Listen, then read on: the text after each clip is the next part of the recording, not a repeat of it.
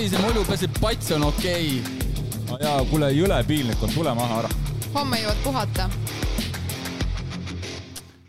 tere, head kuulajad, mul on hea meel teid taas tervitada ja natuke erilisem saade täna jälle on äh, lindistamisel äh, live podcast. me oleme Käärikul suvises äh, triatloni laagris ja meid on kuulamas selline ligi viiekümne pealine kuulajaskond, ehk siis tere kõigile et sihuke tõestusmaterjal.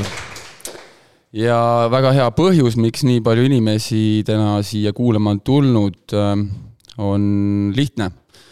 samasse kohta laagrisse sattus äh, juhuslikult kokku põrgates äh, ennast treenima kahel olümpial käinud äh, kiiruisutaja äh, Martin Liiv. tere, Martin! tere! Ma ei hakanud väga pikka sellist äh, humoorikat teksti sinust äh, äh, sissejuhatuseks välja mõtlema või paberile panema. et Martin, mäletad sa, kus me sinuga tutvusime? ma arvan, siinsamas Käärikul. see oli siinsamas Käärikul kaks tuhat kaheksateist äkki või? ma eeldan küll, jah. jah, et äh, see oli, esimene laager, kus äh, mul Mart, meie ühine sõber Mart Markus siis kutsus mind ka laagrisse, et kuule, tule, et et siin Saskia Alusalu ja Martin Liiv ja et sõidame rattaga ja teeme sporti, et siis ma mõtlesin, et oi, et miks mitte. ja, ja, ja ma mäletan hästi, et äh, siis äh, seesama fuajee, mis seal üleval on, see oli sarnane, noh, ta oli küll siis, nüüd on ta uuendatud, aga aga sa tulid sisse viisakalt, andsid kätt, tere, et mina olen Martin Liiv ja mina olen Vidrik ja siis me juba trennis ka väga põgusalt juba hakkasime nagu tihedalt läbi saama. ja suhtleme siiamaani. aeg-ajalt nii harva, kui me küll näeme, aga, aga, aga siiski. no selles mõttes siin mingisugune suhtlus on alati olemas. jah äh,. Mart Markuseni me jõuame ka äh,, sa oled pärit Adaverest äh,, kõik kiiruisutajad või kõik, kes teavad kiiruisutamisest midagi Eestis üldse, siis kõik mõtlevad, ahah, kui ma Tartusse sõidan, siis seal ka Circle K taga on üks rohtu kasvanud ovaal ja sealt nad kõik nüüd siis meil tulevad. ka sina oled sealt tulnud vastab tõele jaa, et äh, ennekõike, miks me kõik sealt tuleme, on kindlasti Väino Treemani kätetöö. et äh, temast sai kõik alguse et äh, me oleme üldse nii kaugele jõudnud. Väino Treimann on siis äh, nii sinu, Saskia kui Mardi esimene treener ja ta treenib täna lapsi siiani. Jaa, vastab tõele, et äh, Väino ei ole enda tööd lõpetanud, et äh, nüüd paar päeva tagasi just ta sai äh, seitsmekümne aastaseks ja ma usun, et ta kindlasti jätkab oma tööd. soovisid talle õnne ka? ikka. helistasid? saatsin sõnumi. ai, saatsid sõnumi, tüüpiline Eesti mees. ei julge, ei julge. kuigi teil on, teil ei tohiks omavahel barjääre olla või? ei, et Väino Treimaniga saan ma väga hästi läbi selles mõttes. kui me juba Väino juurde läksime, siis milline mees Väino on? Räägi oma sõnadega, milline ta on, on ta, on ta selline karm mees või on ta, millise, kuidas, kuidas, kuidas sinul tema meeles on ja kuidas sa, kuidas sa meenutad teda võib-olla nüüd siin, kui te enam nii tihti ei suhtle ja treeneri ja sportlase suhe on nagu möödas? Äh, ma pigem ütleks, et ta on selline karm, aga kindlasti ka mõnes mõttes paindlik. et äh, ta ikkagi kuulab ka sportlast, et mina treenisin temaga kusagil kaheksa aastat äkki mm. -hmm et esimest aastat, kui ma läksin välismaale, see oli siis kaks tuhat viisteist aasta, et siis äh, koostöö lõppes ja alates kahe tuhande viieteist aastast olengi ma treeninud siis äh, põgusalt äh, välismaal. et äh, kindlasti ta oskab äh, noortega hästi läbi käia ja anda oma teadmisi edasi. ma, ma olen, ma ei mäleta, mis äh, telesaade see võis olla siis temast mm,, see pidi olema mingi spordisaade ETV-st ja siis äh, oli Väino seal, näitas kaameraga, kaamera näitas, kuidas ta kastab seda platsi, kuidas ta ajab neid väikseid seal uisutama, keda oli vaja natuke rohkem motiveerida. ja siis äh, mõne käest küsiti, et kes sa, kelleks sa tahad suureks saada, siis üks väike tüdruk ütles, mina tahaksin saada Saskia Alusaluks. et, et see näitas, see saade nagu näitas selle mehe suurt pühendumust, neid töövilju, mis sealt tulnud on ja see näitas seda, et eh, milliseks eeskujuks te olete seal kohalikul maastikul nagu saanud, et eh, ma julgen, ma julgen arvata, et te seal nagu superstaarid eh, ringi ei käi, vaid te pigem oletegi sellised eeskujud. ma ise küll sisimas loodan, et, et see samuti see, nagu ma olen varasemalt öelnud, et kui poleks Väinot, siis ei oleks ma praegu siin mm.. et tema ongi see, et miks ma olen nii kaugele jõudnud, et tema nii-öelda pani mind uus, äh, nii-öelda armastama uisutamist. Ja kindlasti ma tean ise, et ma olen paljudele Eesti noortele kiiruisutajatele suureks eeskujuks. ehk siis see, mida sina ütled, nii suust välja ajades sotsiaalmeedias või, või kus iganes, tegelikult see mõjutab, võib mõjutada ühe eh, noore sportlase, ütleme niisugust üleüldist arvamust või? Jaa, kindlasti, eriti just eh, noorte seas, et eh, kindlasti neil on eeskujud ja eriti just nii-öelda, kui võtta Eestis, ma arvan, et praeguse seisuga on ütleme kusagil kuuskümmend, seitsekümmend usutajat, et ma ei tea, palju neid noori kokku on aga kui meil on siitsamast Eestist võtta nagu hetkeseisuga mina, siis kindlasti on neile see hea, et siit Eestist on võimalik jõuda kuskile. jah, neid näiteid tegelikult on natuke, isegi teisi, on ju, et äh, küllaltki selline niši, nišiala on ju, meil tuleb ikkagi see üks suur tegija, ma ei, võtame siin Ott Tänak või nii edasi, et tegelikult neid võimalusi on. muidugi uisut-, kiiruisutamine Eestis, no, no ausalt, kui sa seda ovaali vaatad, kuidas see võimalik on? et kui me hakkame siin saate teises, noh, ütleme edasises järgus rääkima tulemustest, olümpiast, kõigest sellest, kus sa täna sõidad, on ju, see tundub tegelikult täiesti utoopia.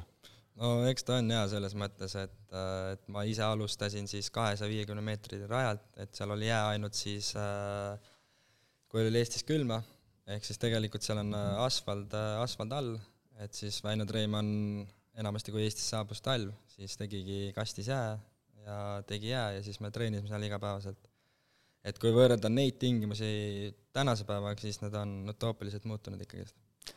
kui ütleme, maha hakkas, kui maapind hakkas külmuma, siis Väino naine võis mehega hüvasti jätta? Jaa, sisuliselt võib küll nii öelda, et sest et ta, ta veetis seal selle voolikuga ikkagi öötunde ju? jaa, et teinekord ta vaatas ilma, et kui näiteks öösel kell kolm oli korralik miinus, siis ta läkski kodust välja ja läkski kastma lihtsalt. jah, sedasama asja kajastas ka see saade, et, et jah, päris äge. kaks tuhat seitse siis Väinoga, sa käisid koolis Põltsamaal, sa oled pärit küll Adavere külje alt, käisid koolis Põltsamaal, kuidas sa kooli läksid, käisid bussiga, uiskudega?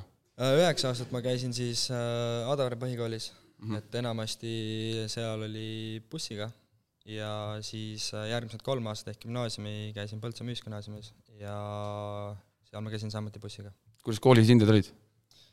põhikoolis oli, ütleme, neljad-viied kõik, et gümnaasiumis tuli kas äkki kaks-kolme sisse, ülejäänud teised olid kõik neljad. see on väga tipp-topp.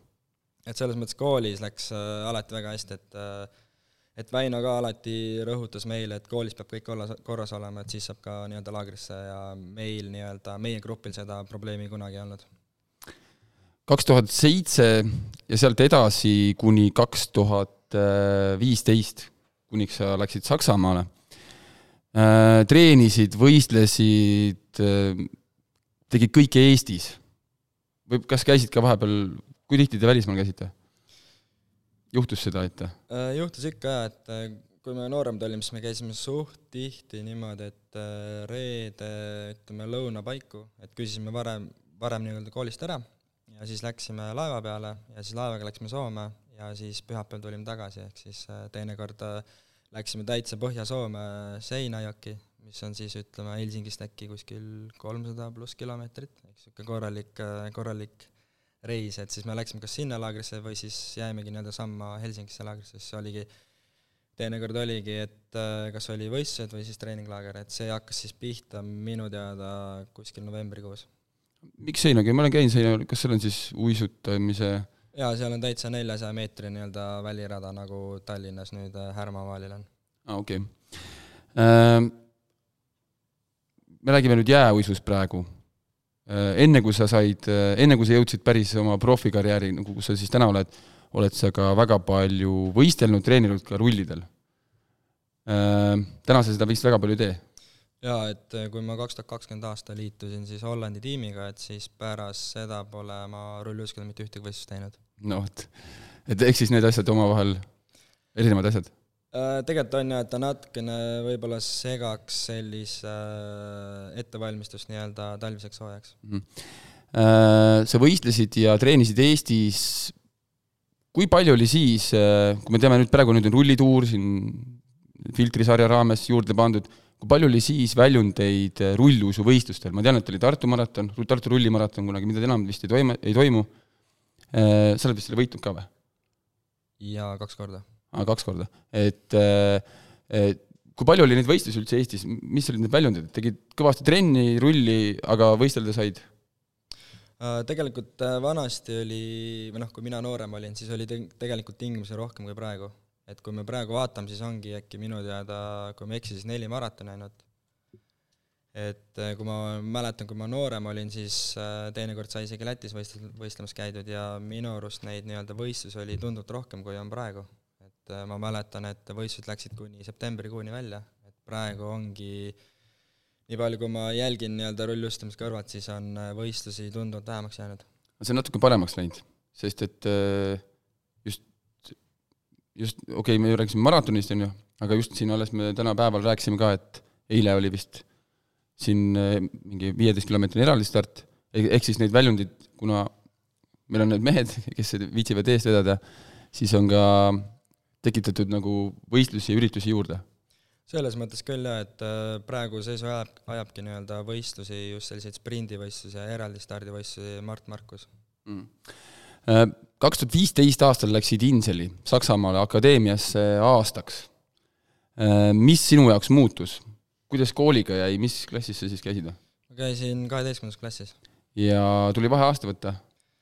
Ei, ma sain tegelikult õpingud siduda spordiga, et ma juba teadsin üheteistkümnenda klassi lõpus, et äh, mul on selline võimalus olemas ja siis ma juba rääkisin nii-öelda kevadel kõikide õpetajatega läbi, et selline plaan, et et tegelikult mul oli juba väikene eelis olemas, sellepärast et Saskia Alusalu juba oli varasemalt seda nii-öelda teinud ja siis äh, õpetajal mingi aimdus olemas, milline see saab olema, et siis tänu sellele oli minul kordades lihtsam.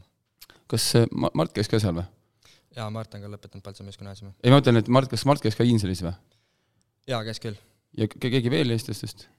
Kaspar Kaljuväe ka või? jaa, ma olingi Kaspariga koos. aa ah,, okei okay.. et siis oli hea koos minna? jaa, just, et me koos läksime ja põhimõtteliselt koos tulime. okei okay., ja kumb, oot, no me seda, seda küsimust ei saa küsida, kumb siis nagu sealt tuule rohkem tiivadesse sai, Kaspar enam nii et aga, aga kaks tuhat kuusteist, äh, peale kaks, peale seda hooaega siis Inseris, lugesid, lugesid sa seda enda jaoks nagu niisuguseks, ütleme, korda läinuks, kuidas see, tekkis sealt nagu suur areng, sest aasta, aasta hiljem sa liitusid ju Austria Ehm, kiiruisukoondisega? Äh, pigem see kaks tuhat viisteist, kuusteist aasta oli väga õnnestunud ikkagist, et äh, sain sellist hästi palju teadmisi kiirustamisest ja arenesin suhteliselt palju enda arvates, et äh, ma olingi tol aastal viimast aastat juunior ja lõpetasin märtsikuus siis äh, enda põhialal ehk siis tuhandes meetris äh, pronksmedaliga juuniorite maailmameistrivõistlused, see kindlasti nii-öelda juunioride klassis on väga, väga kõva saavutus ja sealt oli hea edasi minna siis järgmisteks hooaeg, hooaegadeks. oli see üllatus ka sulle endale ja teistele? Tegelikult ei olnud, et ma näitasin väga head sellist stabiilsust äh, terve hooaeg, et ma olin kõikidel MK-etappidel poodiumil ja erinevatel distantsidel. okei okay. äh,. Austria koondis, sul sealt, kas alates Austria koondisest tuli sul esimene välistreener või oli juba Inselis või? juba oli Inselis tegelikult, et Inselis oligi meil äh, äh, hollandlane ja siis abitreeneriks oli hispaanlane. ja nendega jätkus sul koostööd äh,? kuna oligi niimoodi, et mina olingi tegelikult viimast aastat akadeemias ja siis pärast seda nii-öelda katkes see, et, et mina olingi siis viimane nii-öelda uisutaja või noh, viimane grupp, kes siis oli ametlikult seal nii-öelda treeninggrupis. okei okay. äh,, kaks tuhat seitseteist aastal olid sa samuti Austria koondisega või? jaa, kaks tuhat kuusteist, seitseteist hooaeg ja seitseteist, kaheksateist hooaeg. Sest kui ma niimoodi hakkan mõtlema, siis kas see võis olla niimoodi ette valmistatud kaks tuhat kuusteist, seitseteist ettevalmistus puhtalt Pyeongchangi olümpiaks? Äh, võib küll tegelikult nii öelda, et selles mõttes, et äh, ega mul väga palju valikuid ei olnud pärast nii-öelda Saksamaalt lahkumist. et põhimõtteliselt ainuke valik oligi minna siis nii-öelda Austria kiirusekoondisega treenima, sest nemad olid nagu minust huvitatud. ja siis äh, võtsin otsuse vastu, et proovin. Mida tähendab ühe Austria koondise jaoks, me oleme huvitatud ühest Adavere kutist, kes käis Inselis, okei okay,, sa tulid juunioride pronksile, on ju, mida see tähendab nende jaoks, et olid, olid huvitatud, et kas see on nende jaoks põhihuvi, et sa läheksid nendega treenima, et, et see võiks seda gruppi, kus siis ütleme, nende koondise gruppi nagu tugevamaks muuta seda dünaamikat, et areneksid kõik, et neil oleks ka nagu või, või mismoodi see huvi nagu välja näeb? Ega ma päris täpselt ei teagi selles mõttes, et, et ma kunagi ei küsinud selles mõttes, aga ma tean, et meil oli suhteliselt väike grupp, et võib-olla sellepärast, et saada võib-olla selline üks hea uisutaja, kes on nagu kindlalt MK-etappidel olemas. et ma arvan, et see oli võib-olla nende nii-öelda üks nii-öelda asjadest, miks nad mind tahtsid. aga, aga võistlesid sa ju Eesti riigilippude all või? jaa, ikka lihtsalt treenisin, treenisin nii-öelda Austria koondisega, aga ikkagist äh, võistlesin nii-öelda Eesti lipu all. sest hiljem see ei ole ka ju väga tava, see on üsna tavaline, sest ju Saskia enne, kui ta nüüd ala lõpetas, ta ju treenis Norras. jaa, just täpselt nii. et see on täiesti levinud, ütleme sellise, sellised riigid, kus ei ole see ala väga, ütleme, kiiruisutamine siis väga populaarne ja sul on võimalik heal õnne korral ja kui sa oled piisavalt kõva, minna mõne riigi koondise juurde ja anda siis seal nagu nii-öelda lisatäiendus ja võib-olla vajalik nagu jõud jaa, just, et eriti just äh, peangi silmas selliseid väikseid riike, kus ei ole nagu omal koondist, et siis alati on, tulebki selles mõttes silmad ja kõik asjad lahti hoida, et, et et otsida selliseid võimalusi, kus, kus nii-öelda jätkata enda spordiala, et see ei ole ainult kiirustamine, et siin on ka muudel aladel.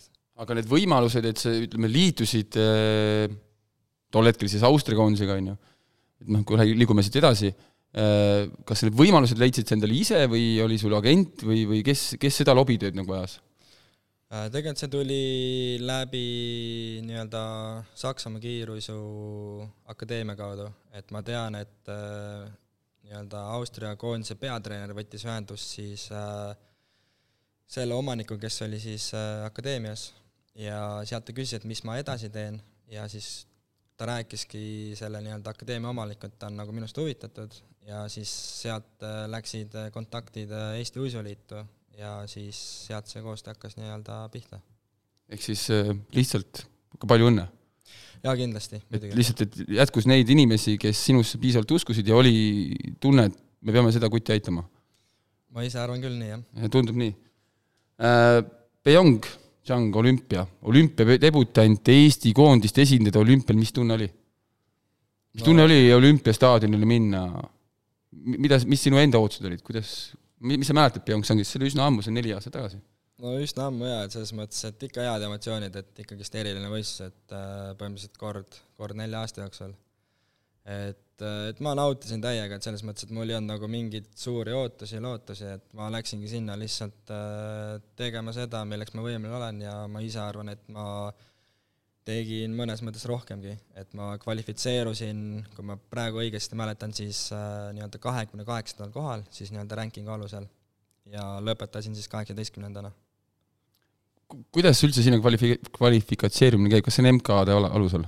jaa, et meil toimuvad MK-etapid siis äh, novembris ja detsembris, ehk siis äh, nelja MK-etapil on äh, nii-öelda kvalifikatsioon ja kaks tuhat kaheksateist aasta oli süsteem selline, et äh, kakskümmend parimat äh, nii-öelda ranking'u alusel, ehk siis punktide alusel, pärast neljandat etappi ja siis kaks tuhat kaheksateist aasta oli kuusteist äh, kiiremat aega. Ja siis mina mahtusingi nii-öelda, nii-öelda kiiremat aega tulka, et nüüd, nüüdseks siis kaks tuhat kakskümmend kaks aasta on reeglid natuke muude-, muudetud, et on samuti nii-öelda see kakskümmend ranking top kakskümmend rankingu alusel on samaks jäänud, aga mis on kärbitud, on äh, kärbitud kiiremaid aegu, ehk siis nüüd pääseb ainult kümme kiiremat aega.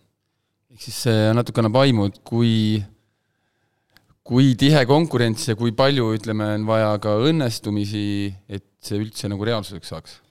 jaa, et selles mõttes, et äh, enamasti mida tehakse enne olümpia, või noh, nii-öelda olümpiahooajal ongi see, et äh, enamasti kaks MK-etappi toimuvad kuskil kiirel ajal, ehk siis ma pean silmas Ameerikat, kas siis ongi USA-s Salt Lake City või äh, Kanada Calgary, et need on sellised äh, maailma kõige kaks kiiremat kohta, kus on siis võimalik sõita enda top, äh, top kümnesse, kui sa ei saa nii-öelda rankingu alusel peale mm. -hmm. Ma küsin siia vahele, kui me siin riburada pidi lähme aastate kaupa, kuni siis ütleme tänaseni, ühe vahele ühe küsimuse, mis meil käis tegelikult ka hommikusöögi lauas, kui me arutasime, mis me siis üldse täna Martinil küsime, et äh, jää, kui suur vahe on jääl ja jääl? et kui sa lähed Pyeongchangi, kui palju see saab erineda sellest jääst, mis on näiteks Hervelinis Hollandis, kus sa elad ja treenid, või, või Minskis või, või, või Calgary's, kui suur vahe saab olla ühel jääl ja jääl? tegelikult on päris suur vahe, et äh, juba näiteks äh, kraadides on vahe. Et äh, osad jääd on siis nii-öelda pehmemad ja osad jääd on siis kõvemad. ja mis omakorda on veel, nad lisavad keemilisi aineid jäässe, et ma päris täpselt ei tea, mis need, mis ained need on, aga igatahes, kui sa oled totsuga peal, siis väga ei libise. et põhimõtteliselt, mis on see, et et uisuga libiseb väga kiiresti ja äh, näiteks osades jäädel on veel niimoodi, et ma tean, et Hollandis nad saavad muuta temperatuuri vastavalt äh, nii-öelda sektorites, ehk siis nii-öelda kurvidel ja sirgetel saavad panna erinevad temperatuurid ja nendega nii-öelda mängida ja lisaks, mis on veel, on jää paksus, et, et äh, öeldakse, et mida nii-öelda õhem on jää, kuskil ma eeldan, et neli-viis sentimeetrit, et siis on nagu põhimõtteliselt miks sa eeldad, sa pole läbi vajunud või? läbi ei vaju kunagi, aga selles mõttes, et äh, kui vaadata nagu, kus on sõidetud äh, nii-öelda maailmarekordit, et siis on näha, et see nii-öelda jää on suhteliselt õhuk ikkagist. aa, et mida õhem, seda kiirem võiks olla? Ma arvan jaa, et selline võib-olla kõige kiirem jääbki sinna nelja-viie sentimeetri peale, et siis on võib-olla need kõige ti-, paremad nii-öelda tingimused loodud. aga noh, Calgary, Salt Lake City, need on kõrgel? Need on kõrgel jaa, et Salt Lake City ongi, et äh, minu teada kõige rohkem koht, kus on kõige rohkem sõidetud maailmarekordeid, et see ongi, merepinnast on tuhat nelisada meetrit, et see räägib juba enda eest. ja oled, ja sinu rekordid? minu rekord on ka Salt Lake'is, Salt Lake City's sõidetud. võid kinnitada oma jalgadega, et seal on kiire? on jaa, et sa tunned seda kiire. aga sulle endale meeldib, kui sa ütleme, et kui ütleme, et lähedki PyeongChangi olümpiale, paned uisud jalga, hüppad jälle, oi-oi-oi, siin nagu vapsi ei saa sõita, et on, on ka nagu niisugust efekti, et, millist jääd sina eelistad, et noh, et või, või noh, et umbes mida sa tahaksid ühelt jäält saada, et tõesti nagu mitte üldse võib-olla ainult kiiresti äh, sõita, vaid nagu konkurentides mingil määral eelise, eelises olla? no ma arvan, et äh, minu eeliseks on võib-olla natukene Hollandis Erevenis, sest ma treenin seal iga päev, et ma tean, millised need tingimused on. küll aga ma tean, mis nad Hollandis teevad, on see, et kui toimuvad võistlused, siis nad teevad selle jää veel omakorda nii-öelda kiiremaks mm me jõuame kaks tuhat kakskümmend üks aastani mm, täiskasvanute mm, viies koht, maailmameistrivõistlustel viies koht, sprindis, siis tuhandes. Ähm, meie ühine sõber Mart Markuse naine ütles mulle niimoodi, et ta oli, Mart oli Mart Markuselt küsinud, et Mart, et mis su elu äh, tipphetk on? siis Mart, Mart mõtles, hetke ütles, et Martini MM-i viies koht neil on mingi paar last ja kõik, kõik muud on abielus, need ei ole, need ei kaalu üle. Martini MM-i viies koht. Et äh, ja see oli samamoodi siin Käärikul, nii et noh, see on siin see ütleme, klikk on olemas, et, et see Käärikul ja miks siin, aga MM-i viies koht. see või noh, ma ütlen, minu jaoks oli see üllatus, sest et ma olen sellest alast küllaltki kaugel, on ju, aga lihtsalt see lõi nagu rõkkama, et Martin Liiv, mees, kes on noor, kaks, kakskümmend üks olid siis kahekümne nelja aastane et see on Kelly Sildre järel teine noor tegija, kes hakkab meile olümpial medaleid tooma. et sellest hakati rääkima ja, ja mis seal ka salata, hakati uskuma. et ja usutakse siiani. et räägi sellest MM-ist, see oli siis Hollandis?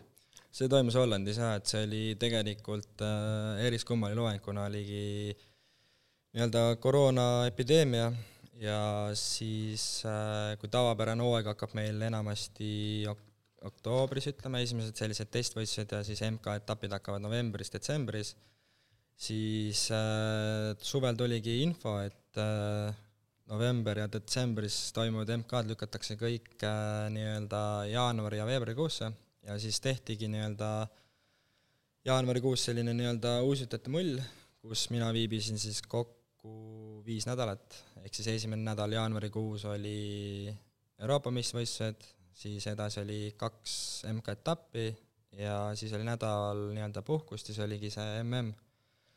et äh, võib-olla mis minu kasuks mängis rolli see, et äh, kuna ma olin esimest aastat nii-öelda Hollandi profi, profitiimis ja ma sain nii-öelda, kuna hooaeg lükkas nii-öelda edasi, tänu sellele sain mina nii-öelda rohkem asju praktiseerida, omaks võtta, et see, võib-olla see oligi see, mängis minu puhul rolli, et ma sain tänu sellele, et olingi esimest aastat uues kohas, sain rohkem treenida, kõiki nii-öelda koormusi, võistlusi testida, et selles mõttes nagu kõik läks plaanipäraselt. kaks tuhat, sa alustasid siis Tiim Icoga äh, aastal kaks tuhat kakskümmend aasta sügisest või, või kevadest juba? Äh, juba kevadest, et äh, ma tean, et äh, allkiri, allkiri oli esimene mai kaks tuhat kakskümmend, küll aga ühtegi lendu maikuus ei läinud, et esimene lend läks alles juuni alguses ja siis kaks tuhat kakskümmend juuni ma läksingi esimest korda Hollandisse. ehk siis äh, esimene mai panid allkirja alla ja kuu aega nägid unenägusid? jaa, et kuu aega põhimõtteliselt ma treenisin üksi siin Eestis, et juba niimoodi Hollandi kavade järgi ja põhimõtteliselt kõik nii-öelda treeninginfo ja kogu see käis nii-öelda siis äh, Facetime'i vahendusel. Kui ma enne saadet küsisin sult, et kas nariveerid ka enne saadet, siis ütlesid, et ei, ei, mis asja, aga siis see kuu aega oli ka noh, et sinu jaoks see oli väga suur samm mm,? Oli küll jaa, et eks ma ikka natuke närveerisin selles mõttes, et äh, aasta oli kaks tuhat kakskümmend ja nii-öelda kaks aastat olümpiamängudeni ja mul oli ainult aastane leping taskus, et see võib-olla natukene niimoodi võttis võib-olla närveerimisega just selles mõttes, et mis siis, kui, kui ei lähe hästi, aga õnneks läks kõik vastupidi. Tiim Iko on üks kolmest, kui ma ei eksi, suurest äh, uisutiimist äh, Hollandis on see nii? Äh, ütleme, et nüüd on neid juurde tulnud, et ütleks, neid on neli-viis, ütleme kuskil. aa, nüüd on juba rohkem? Äh, seal on Jumbo Visma, Ico, kes veel? tiim Regeboh jah. ja tiim Saarlander. Äh, räägi nendest tiimidest, räägi nendest ähm,, räägi kõigepealt enda tiimist, kes sinna kuuluvad, ma võin natuke sissejuhatavalt rääkida, et et kiiruisutajad on Hollandis superstaarid jaa, on küll jaa, et kui võtame need kõik nii-öelda olümpiavõitjad, kes seal profitiimis on, siis nad on ikka selles mõttes nii-öelda suured kangelased ikkagist. eriti need, kes on võitnud just äh, kuldmedaleid, et nad on väga-väga suured sportlased. ma ei ole kursis, kas viimasel olümpial Tokyos, Tokyoni me küll jõuame, aga kas Tokyos sinust eespool oli Pekingit mõtled? vabandust, Pek-, äh, jah, vabandust, vabandust, Pekingit. et äh, äh kas sinust eespool oli ka mõni ICO, sinu tiimikaaslane? ei olnud ühtegi minu tiimikaaslast ei, kahjuks ei pääsenud olümpiale. et sa olid ainus? jaa, ma olin ainus tiimist, et et ühtegi Hollandist, hollandlast minu tiimist ei saanud, küll aga Bart Swings, kes on Belgiast, aga treenib ka nii-öelda tiimikas, nii-öelda pääses ka olümpiale. Ma ütlen, ma tean seda, et sinna, see, et sa sinna tiimi said, see lugu, räägid sa selle ise kohe, aga see, et räägi, räägi, kuidas sa sinna tiimi jõudsid? Äh, lugu tegelikult on päris pikk, aga ma üritan lühidalt teha. et ma olin kaks tuhat kakskümmend aasta jaanuari lõpus olin Kälgeris MK-etapil ja paar nädalat enne seda olin ma Inselis laagris. Äh, ma tol hetkel treenisin veel äh, Poola sprinteritega.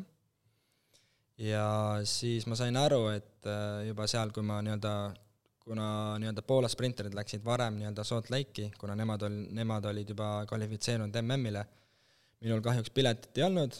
Ja siis ma otsustangi, et äh, ma lähen teen äh, ettevalmistuse nii-öelda Calgary MK-etapiks äh, Inselis. Ja ma ööbisin siis nii-öelda sealsamas kohas, kus ma olin kaks tuhat viisteist, kuusteist hooaeg akadeemias. Ja ma sain selle nii-öelda akadeemia omanikuga hästi läbi ja tema on ka kusjuures hollandlane. Ja tema tea-, teadis väga hästi minu praegust treenerit Ervin Den Hovet ja siis äh, nii-öelda hollandlane hotelliomanik küsis mult, et äh, kuidas, kuidas on olukord ja siis ma ütlesingi, et ma poolakatega väga rahul ei ole, et sellist nagu suurt arengut ei ole tulnud. Ja siis äh, sealt läks omakorda jutt lahti, et see nii-öelda kontakteerus kohe minu praeguse treeneriga. Ja siis mu praegune treener sai teada sellest ja siis põhimõtteliselt jaanuari, jaanuaris, kui ma läksingi Calgarysse, siis ma istusin kaks korda endast praeguse treeneriga maha, siis me arutasime seda asja, et ta oli väga selline positiivselt mõtestatud ja hakkas kohe nagu asju ajama. Ja siis põhimõtteliselt esimesed nii-öelda läbirääkimised toimusidki, toimusidki sealt, et tema tahtis teada, et milline on minu kuvand ja selline, mis mu eesmärgid on. Ja siis sealt edasi hakkaski nii-öelda vestlused toimuma. Ja siis mai, ütleme, et aprilli lõpuks oli juba see asi, asi teoks saanud. aga see, sellel tiimil on oma reglement, kuidas sinna tiimi saada, mille alusel võetakse üldse, noh, me rääkisime, et Hollandis tiime on vähe, no suuri kõvasid profitiime on vähe, tahtjaid on tohutult, kõik tahavad olla kõvad, kõik tahavad olla kuulsad, sinna pääseb aegade alusel või? see on isiklik, on isiklik rek-, kuidas see tegelikult on niimoodi, et äh, Hollandi Uisuliidu poolt on pandud paika sellised reeglid, et äh, tegelikult saab minna nii-öelda välismuusutaja nii-öelda profitiimi, kui ta on võistelnud äh, MM-il, ehk siis ta peab olema kahekümne nelja, kuna meid saab MM-il kakskümmend neli tükki, siis ta peab olema kahekümne nelja hulgas, aga kaks tuhat kakskümmend aastal, tol, tol aastal mina ei pääsenud nii-öelda MM-ile, et ei olnud piisavalt hea. Ja siis äh, mul treener ütlesid alles seda hiljem, kui ma olin äh, nagu sellel kõik asjad läbi teinud, et ma olin juba tiimis, siis ma mäletan, August ütles, et, et tegelikult ma ei oleks tohtinud saada tiimi, aga tõenäoliselt Hollandi uisuliit ise ei kontrollinud seda fakti, et, et ma ei võistelnud äh, nii-öelda kaks tuhat kakskümmend aasta nii-öelda Salt Lake'i, Salt Lake City MM-il ja siis see, tänu nendele jäi see kahe kõrva vahele, et äh, kui nii-öelda vaadata neid reegleid, siis tegelikult ma ei oleks saanud äh, või noh, ei oleks tohtinud liituda profitiimiga. ja kui ma nüüd tegelikult selle jutuga jõuda tahtsin, on see, et sa olid selle tiimi ainus vend, kes jõudis olümpiale. Äh, Bart Sphinx jõudis samuti. jah, aga, aga ikkagi, et üks vähestest, sa olid napilt, hea, et sa sinna üldse said, ja sa viisid selle tiimi olümpiale. selles mõttes küll, jah. küll jah, rahvuskoondis, aga mm. -hmm. aga selle tiimi, selle tiimi nagu tulemusena, on ju. no vot, vägev värk. Kaks tuhat kakskümmend kaks olümpia. ma ei tea, ma arvan, et äh, kui, kui ma, sa küsisid mult, et palju sa olümpiat jõudsid vaadata, siis ma ütlesin sulle selle peale, et no ma sinu sõitu ikka vaatasin.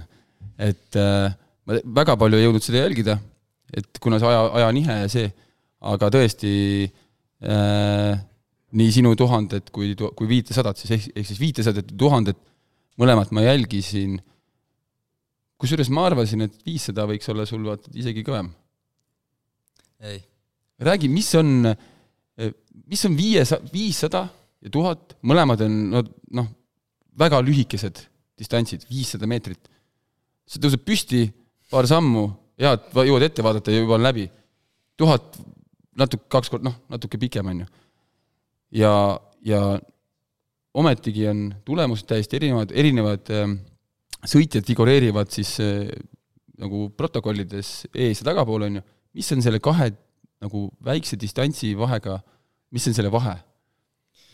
no viissada, sa pead olema ikka väga selline sprinterlik. sa siis ei ole või? no väga ei ole, jah. okei. Et selles mõttes, et ma juba kaotan seal sajas meetris, ütleme, maailma parimatele kuskil null koma kolm sekundit, seda on ilmselgelt liiga palju. ja omakorda natukene tuleb veel ringi peal ja siis, siis tulebki seal, ütleme, null koma kuus, null koma seitse tuleb see vahe. et äh, kahjuks jaa, ei ole lihtsalt looduse poolt antud selliseid võimeid, et, et sellepärast ongi tuhat minu põhiala, et see on samuti sprint, aga see just see lõpuosa seal, ütleme kakssada, kakssada viiskümmend meetrit, seal tuleb nagu seda beam-up taluvust ja sellist tehnikat hoida, et see ongi võib-olla minu üks selliseid nii-öelda plusse siis nende ees, kes figureerivad siis viiesajas meetris. ehk siis viiesaja, viiesaja sõitjad on sprinterid, sina seda pole, ja tuhande vennad on need, kes jõuavad nagu natuke sprintida ka ja siis rõvedalt kannatada, et tegime neile ka ühe distantsi juurde siis või? Jaa, et see pigem ongi, et äh, see tuhat on, ütleme, kiiruistamise keskmaa pigem, sprint keskmaa, et sul on vaja sellist äh, sprint, sprinterlikku vastupidavust. aga kui sa mõtled nagu viissada tuhat uisutajate ennast, enda seas, ütleme, selle uisutajate seltskonnas, kumb on nagu prestiižikam? on niisugune asi üldse? Oled sa viiesaja olümpiavõitja, oled sa tuhande olümpiavõitja, kumb on nagu selles mõttes see väga suurt rolli ei mängi, et äh, Hollandis ma tean küll, et on selline väga noh, väga heal tasemel on tuhat meetrit tegelikult, et äh, seal on ütleks, et kõige, kõige karmim heitlus äh, nii-öelda olümpiapiletite eest. et olümpiale saab siis igast riigist maksimaalselt kolm kolm uisutajat ja Hollandis on neid tahtjaid, ütleme, kümmekond. ähm, uisu, kiiruisuriike, maailmas on riike palju, ometi neid kiiruisutajaid tuleb kuidagi nagu üle maailma eri paikadest, aga kuidagi nagu jõle ühtedest kohtadest, tuleb Hollandist, ütleme madalmaadest, on ju, Norrast on ka vist või? jaa, Norra on ka väga äh, Asiaat, Aasia ehk siis äh, Hiina, Jaapan. Jaapan äh,, Kanadast, Ameerikast ja nagu kõik või? jah, võib küll nii öelda, et tegelikult ja venelased muidugi. No venelased ka muidugi ka, et selles mõttes jah, et meil nagu väga palju neid riike ei ole, kes esindavad, et ma praegu täpselt ei oska öelda, kui palju neid äh, riike, riike nii-öelda on, kes MK-etapil, aga küll, mis ma vaatan, on, on näiteks äh, siin viimastel aastatel juurde tulnud äh, selliseid riike, kus on näiteks rullustamine väga, väga populaarne, ehk siis nad tulevad rullustamist üle kiirustamise peale ja see on mõeldud selle eesmärgil, et rullustamine ei ole olümpiaala ja siis kindlasti nende nii-öelda sportlaste soov on osaleda olümpiamängudel. Ehk siis natuke sama, sama situatsioon, mis võib olla Eestis, et kiiruisutaja, kui sa tahad olla uisutaja ja sa tahad, et sul oleks nagu ütleme, mingi, mingigi ütleme, perspektiiv nagu seda asja nagu väga, väga tõsiselt teha, raha taha saada, siis mine sõida jää peal, mitte rullidel. jaa, kindlasti, et see noh, ma ei ütleks, et rullustamise tase nii-öelda maailmas on nagu halb, aga lihtsalt lihtsalt rahastuse mõttes ma mõtlen. jaa, et kindlasti Eestis kindlasti on, ma arvan, et mõistlikum teha kiirustamist kui rullustamist Lähme, okei okay,, räägime kohad ka ära. Äh, viimasel olümpial, MM-i seitsmes või vabandust, MM-i seitsmes, tuhande meetri seitsmes. Äh, liidriks sai jõudnud sellel, sellel võistlusel vist, mis, mis kui sina lõpetasid, mis oli su tol hetkel finišis parim koht, mis, mis, kuhu sind tõsteti, kas oli kolmas või? minu teada olin kas äh, teine või kolmas. Ma, ma olin kolmas. äkki, kui ma ei eksi, siis ma olin üheteistkümnes paar ja viisteist paari oli kokku või olin kaheteistkümnes, midagi sellist ja, ja kui sa vaatasid neid paare, need on siis pandud tugevuse järgi, et noh, ütleme, et eh, need on siis pandud nagu eeldatavate tugevuste järgi paarid, on ju? seal on jaa, et ma eeldan, et seal oli nii-öelda kaks sellist nii-öelda loosi, ehk siis esimesed paarid tehti, minu teada oli kümme paari, siis jääpuhastus ja siis oli ülejäänud paarid ja siis eh, no me teadsime, et mina olen seal lõpupoole ja siis kuidagi tehakse need loosid, et kumb, kes, kes stardib sees, kes väljast, et seda, seda ma ei tea, kus, mismoodi see toimub. ehk siis seda, mu küsimus oleks olnud see, et et kui sa tõstsid prillid üles, vaatasid tulemust, mõtlesid, okei okay,, nii palju on paare veel, et ma siis enam-vähem saan selle koha või seda ei, sa veel ei teadnud? ei teadnud. istusid pingil, hakkasid näppe atšuris hoidma, mõtlesid, et äkki ikkagi tuleb siit see pronks ära või? no tegelikult see nii-öelda sest kui kommentaatoreid ma kuulasin ja siis oli see, et okei okay,, et meil siit ikkagi see viies, kuues, Mart siis rääkis, on ju, et see koht meil tuleb, et nojah, et see võib-olla, et pronks, et siis oleks pidanud midagi, midagi täiesti utoopilist juhtuma ikkagist, et selles mõttes, et see oli samal, sama hästi nagu käega katsuda, aga null koma seitseteist sekundit, see on nagu, ajaliselt on see suhteliselt väike, aga kui panna meetritesse, siis see on kaks koma viis meetrit, mis on tegelikult üsnagi, üsnagi lühike maa. lühike maa, just me tegime nüüd äh, otsast lõpuni sinu karjääri siiani äh, läbi äh,. räägime kiiruisutamisest kui alast üldiselt. alustame raja valikult, on sise- ja on välisrada. Mhm. kumbalt rajalt on eelis startida? No viiesajast, alustame viiesajast näiteks, mulle endale meeldib äh, startida siserajalt, et siis äh, viimane kurv on välisrajalt, kuna me peame rada vahetama, et siis mulle sobib endal see paremini, et äh, et kuna mul see sada meetrit ei ole just kõige kiirem. Ja sisekurvi on tunduvalt lihtsam nii-öelda väiksema hoo pealt nii-öelda sõita. Ja samuti kui on tipphoog, siis on väliskurvi jällegi kergem sõita kui siserada ja kui võtta siis minu trumpala tuhat meetrit, siis samuti eelistaksin siserada. ja seal on ka kurvidelt siis ütleme, ringide peal, on ju, seal kurvides siis ka see, tekib see raja vahetusmomendil ka heal õnnel see tuules, tuulessõidu efekt, ehk siis sa saad selle sekund-kaks korra natukene konkurendi tagant tekkinud eh, tuulekotti kasutada, hetke puhata, kui nii võib öelda ja, ja minna siis oma viimasele ringile, on ju? Äh, jaa, et äh, tuhandes meetris ongi tegelikult äh, sees startides väike eelis. selles mõttes, et kui on, ütleme, suhteliselt sama vastane, nagu minul oli olümpiamängudel, et ma sain tegelikult suurepäraselt tuulde, et et ise tegelikult ma, noh, me teadsime enne, et ta on nagu esimene kuussada meetrit on aeglasem kui mina ja seega nii läks ja siis oligi plaan nii-öelda kasutada tema tuult, et see oligi täiesti taktika. Aga kui tekib selline moment, need tekib, äh, et kui tekib rajavahetus ja avastad kaks atleeti, vaatad, me oleme kõrvuti nüüd, kes me üksteist läbi ei sõida, et kumb, kumb, kummale peab teed andma? Äh, reegel on selline, et välimine on alati eesõigus, ehk siis see, kes tuleb seest, peab äh, teed andma, kuna tema on siis läbinud äh, lühema maa. et see, kes väli, väli nii-öelda kurvist tuleb, on alati eesõigus mm -hmm.. okei okay., lähme edasi, kurvitehnika. Mida ütleb üks treener olümpiamängude finaalis või noh, üks sõit ongi tuhandes meetris, treener karjub selle ovaali kurvi peal, Martin, mida sa pead tegema? üldjuhul minu treener ütleb äh, üsna selliseid äh, väikseid asju, teinekord ma isegi ei kuule, et meil on põhimõtteliselt trennis paika pandud, et mis, mis ma tegema pean, et äh, üldjuhul sellist midagi ulmelist sa tegema ei pea võistlustel, et põhimõtteliselt ongi see, mis oleme nagu trennis läbi teinud, et üldjuhul näiteks väga paljud treenerid näitavad ringi aegu, et minul seda vaja pole, et ma lihtsalt ei näiteks just viiesajas tuhandes meetris ma ei vaja seda, aga tuhande viiesajas on hea, kui see indikaator on olemas, ma tean, mis, mis vaheajad on. Aga näiteks tuhandes meetris ei kasuta ja treener põhimõtteliselt, mis ta näitab, ongi see, et äh, allapoole? allapoole, just täpselt ehk siis sul on äh, jalad on äh, triiki piimhapet täis ja treener ütleb sulle, Martin, allapoole? jah, ja või siis näiteks, mis oli olümpial, mida ma mäletan, oligi see, et, et ütles, et kasuta tuult näiteks et sellised ka sellised taktikad, et kuigi mul oma peas oli kõik, kõik nii-öelda läbi mõeldud, mismoodi seda saab teha ja tegelikult nii ka läks mm. -hmm. Kurvitehnika äh,, seal on üleastumine üle jala. kui läbimõeldud, kui läbi kalkuleeritud on see, et kui pikk see samm on, kõik see astumine, mitu sammu kurvi kulub, need on täiesti mõõdetud asjad. me rääkisime siin null koma kolm sekundit, on ju see tähendab seda, et sul peab olema nagu sisuliselt sentimeetrite täpsusega no teoorias küll jaa, et selles mõttes, et äh, võib-olla ongi raske seletada, aga minul on võib-olla see, et ongi lihtsalt, see on lihasmälus, nagu öelda, öeldakse. et see tulebki lihtsalt nii automaatselt, kuna ma olen nii kaua uisutanud, et, äh, et see tuleb lihtsalt täiesti automaatselt. ma ei peagi väga sellele mõtlema. kui ma küsin sult, et tuhat meetrit, mitu sammu kulub? oskad öelda? ei oska. aga kurvi? ma arvan, et kuskil sisekurv äkki kuusteist sammu ja välikurv kaheksateist ma pakuks. aga sirge? sirge on nüüd selline kava, salakaval, et äh, ma tean, et äh, et äh, mõned sirged on kaks sammu vähem ja mõned sirged on kaks sammu rohkem. no miks nii?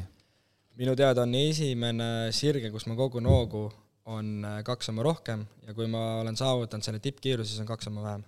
okei okay ja ma just lootsin, et kui sa ütled selle sirge sammud ka ära, siis ma saan ise välja arvutada, palju sa siis ringe teed, kui sa pole ise viitsinud teha äh,. olümpiastart, sa lähed äh, olümpia, sinu trumpala, me kõik teame, et reaalne on medal ja, või no mis iganes, kõrge koht. sul on ainult üks sõit, ei ole mingeid eelsõite, mitte midagi. sa teed soojaks, lähed peale, paned prillid pähe, kapuuts pähe ja mida sa mõtled võib-olla viimased kolmkümmend sekundit ennem starti? Kas sa imite-, mida sa mõtled, noh, sõit, et nüüd hakkab sõit, et mida see, mida, mis sinu peas toimub?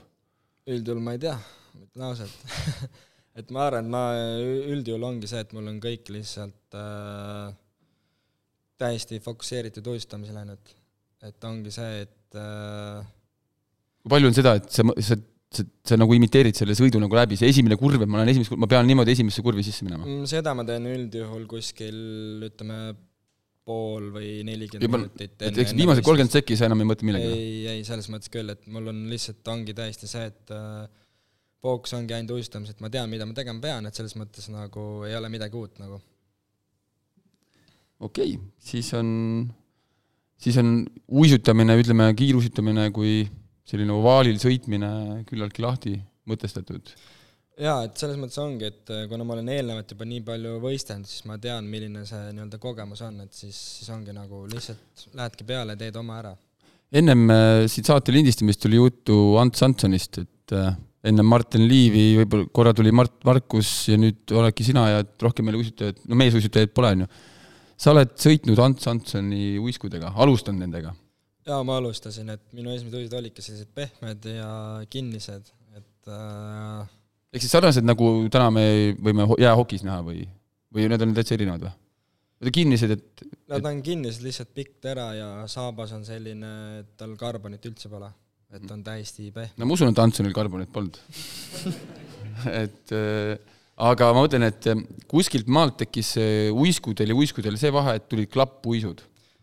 jaa, et kas klappuisud minu teada tuli äkki üheksakümnendate lõpus, kui ma ei eksi.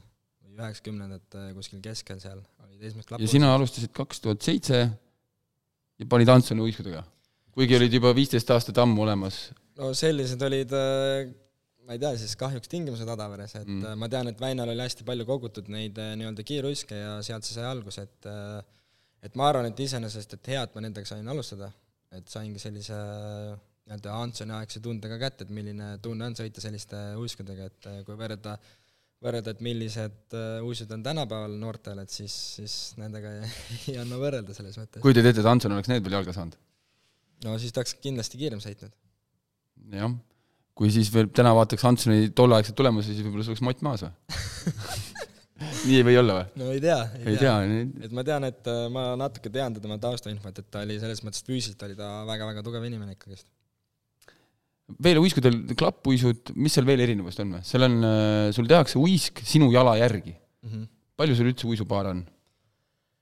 hetkeseisuga on mul äh, kaks jalajärgi ja kaks jalajärgi uisku on tulemas, et, äh, et esimesed, nüüd ma lähen jääle sel hooajal äh, augusti teine nädal, et siis enne seda saavad esimesed uisud valmis ja nüüd eelmine hooaeg lõpus lasin ma USA-s teha nii-öelda siis uisusaapad, mis võtab aega üheksa kuni kümme kuud, et siis need ma saan tõenäoliselt septembris-oktoobris kätte alles. Kõlab, kõlab vingelt, mis, kui, kui me, kui ma tean seda, et äh, meil täna harrastajate tasemel ka rulluiske tehakse jala järgi, mis selline uisupaar võiks maksta, ma usun, et sa seda võib-olla täitnumbrit päris ise ei tea, aga aga mis see umbes suurusjärk võiks olla?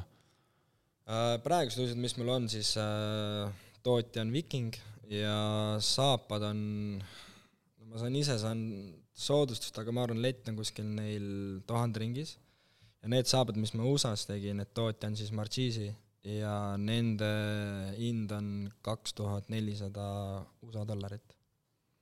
no omajagu, aga odavam kui ratas.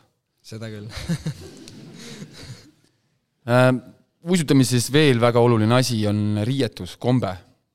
Kui sa selle ikkagi, kui sa sinna sisse ennast poed äh,, mitte ühtegi lotendavat kohta olla ei või.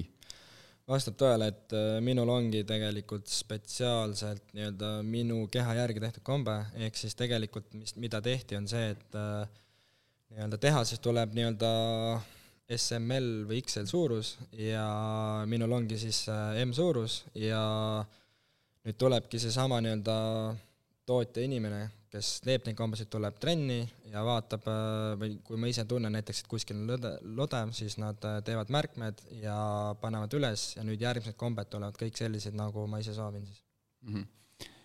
kui palju, ütleme nii, et ma küsisin sult hommikul ka, et et palju kaalud, siis sa ütlesid, mis sa ütlesid, seitsekümmend? seitsekümmend üheksa. aa, kurat, sa hommikul ütlesid, sa oled kergem, seitsekümmend kuus ütlesid. ei, sa kuulsid valesti. okei okay,, võib-olla sa täna hommikul olid ja siis ma küsisin, palju sa seal olümpial olid, kaheksakümmend, pontsik olin.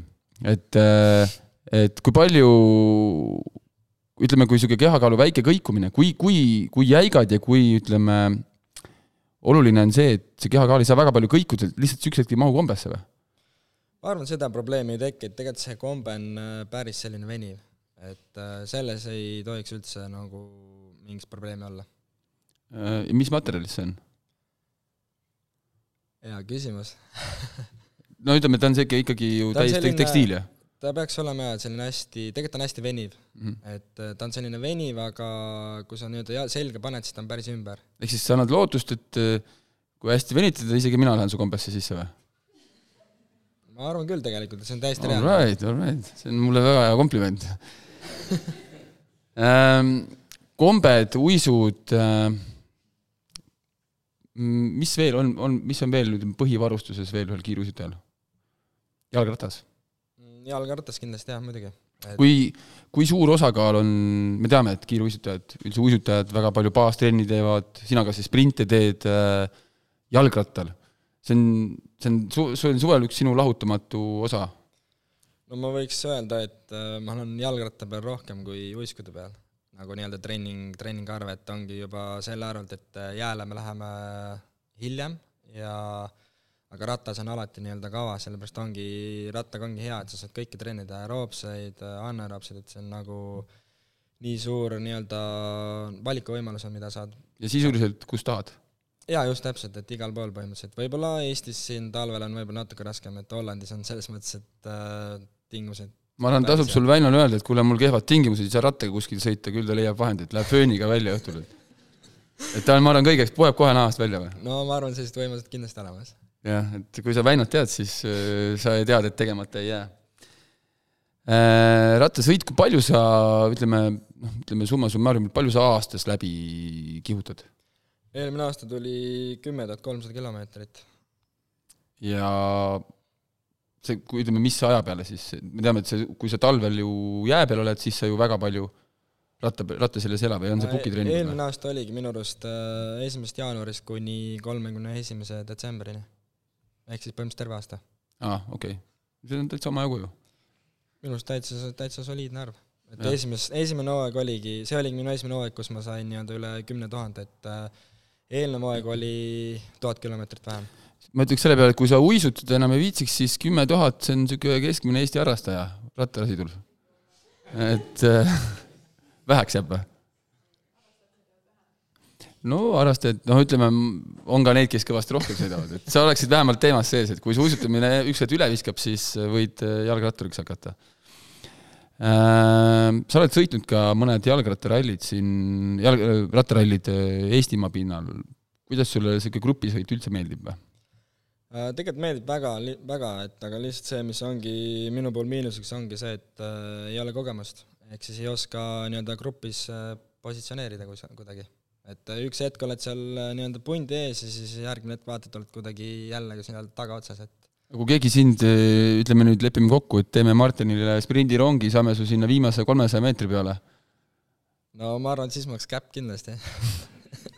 Me peame selle ära tegema.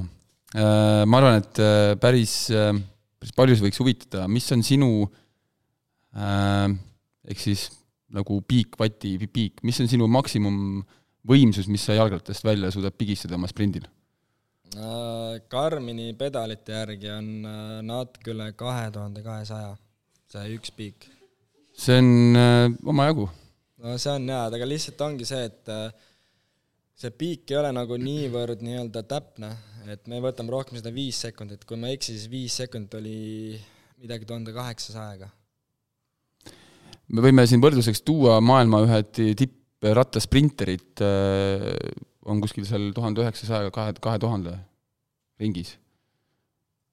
äkki, äkki vahetad ala või? Äh, ma ei usuks seda, seda ikka, et selles mõttes, aga kas sa tead ka, kui palju ta kaalub? et siis saab äh, vatt-kilogrammi. jah, natuke vähem ilmselt kui sina.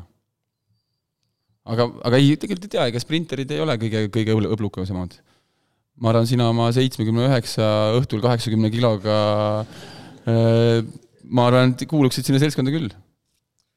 jah, et ma olengi ühe korra tegelikult seda nii-öelda viis sekundit teinud, mis ongi tuhat kaheksasada vatti, et see oligi, et selline päris hea selline, no hea päev oli ja samuti ka rada sobis väga hästi, et oli kergelt selline ülesmäkke ja kuna oligi too, too päev oligi, mäletan, oligi selline trenn, et äh, kas oli äkki kümme sekundit ja kuus korda ja siis nii-öelda ühel, ühel hetkel otsus, nagu tekkiski selline võimalus, et äh, tuligi selline arv lihtsalt. mäletad sa ka mitmendal sprindil, kui sa kuus korda mitmendal sprindi hetkel see kõige parem tulemus tuli või? ma arvan, et ta oli kuskil keskel, kas äkki kolmas-neljas et esimesed kaks on mul sellised nagu üldjuhul käimasaamine? jaa, käimasaamine siis ütleme, kolmas-neljas läheb üles ja siis näiteks eh, noh, teinekord ikkagist tunned, et eh, väsinud, siis jälle viies-kuues natukene vajub jälle ära mm. -hmm.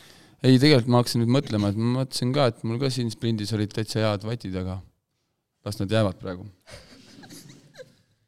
Martin äh,, äh, mul on tegelikult ääretult hea meel, et sa, et me siin kokku juhtusime. Äh, me oleme tegelikult sellest podcast'i asjast äh, ammu juba flirtinud natuke, et kuuled, et kui tuled Eestisse, saame kokku, teeks saate, räägiks juttu, on ju, et äh, tegemist on küll triatlonis küllaltki kauge teemaga, samas mulle meeldib sinu puhul just selline spordimehelik äh, isiksus, see, see taust, et kust sa oled tulnud, kuhu sa oled jõudnud ja mis on sinu teekond ja näitab seda, et reaalselt ongi ka siin Eestis, väikses Eestist äh, kõikvõimalikkuse ümber on äh, ägedad ja kõvad inimesed, ise oled tegija ja, ja, ja loomulikult head õnne viskab ka juurde, et et kõik on võimalik. sa oled esimene saatekülaline, kes meil on käinud olümpial. et olümpia, no ütleme, et kui nüüd sa, või kes meil varem oli? Aa, Kaidi Kivi, Kivioja, jah, sa oled teine. et vabandust, jah, Kaidi ees. aga siiski taliolümpia. taliolümpia, jah et äh, Kaidi tee järgi käi taliolümpiale. ja esimene mees ka, et aga õnneks oli naine eespool, et, et kõik on nagu hästi. Äh, ma soovin sulle, ma soovin sulle tõesti kõike head, et ma loodan, et äh, viimane olümpia ei olnud sinu viimane. Kindlasti mitte, et nüüd järgmised olümpiad ongi nii-öelda nelja aasta pärast ja ma arvan, et on piisavalt aega, et äh, veel rohkem areneda ja nii-öelda tippude veelgi rohkem lähemale saada, et selle nimel praegu, praegu kindlasti töö käib. ei no vägev. me tavaliselt, tavaliselt sportlased räägivad, et et teen ühe olümpiatsükli eel, siis vaatame edasi, sa räägid meil siin, et meil see olümpiad on ees veel. et sul ei ole plaanis lähiajal enda elustiili muuta uh,? Hetkel küll mitte, et äh, hetkel ongi täis nii-öelda fookus suunatud uh, Milano olümpiani ja eks siis pärast vaatab. kuna see on Euroopas, mine sa tea, äkki on seal juba uh, rohkem kodupublikut sind uh, ergutamas ja äkki, mine sa tea, äkki ka mina tulen sinna kõrvale. no oleks väga tore. jaa. aga ma tänan kõiki kuulajaid ja, ja nautige suve ning koguge rattakilomeetrid ja tehke sporti. tšau. tšau.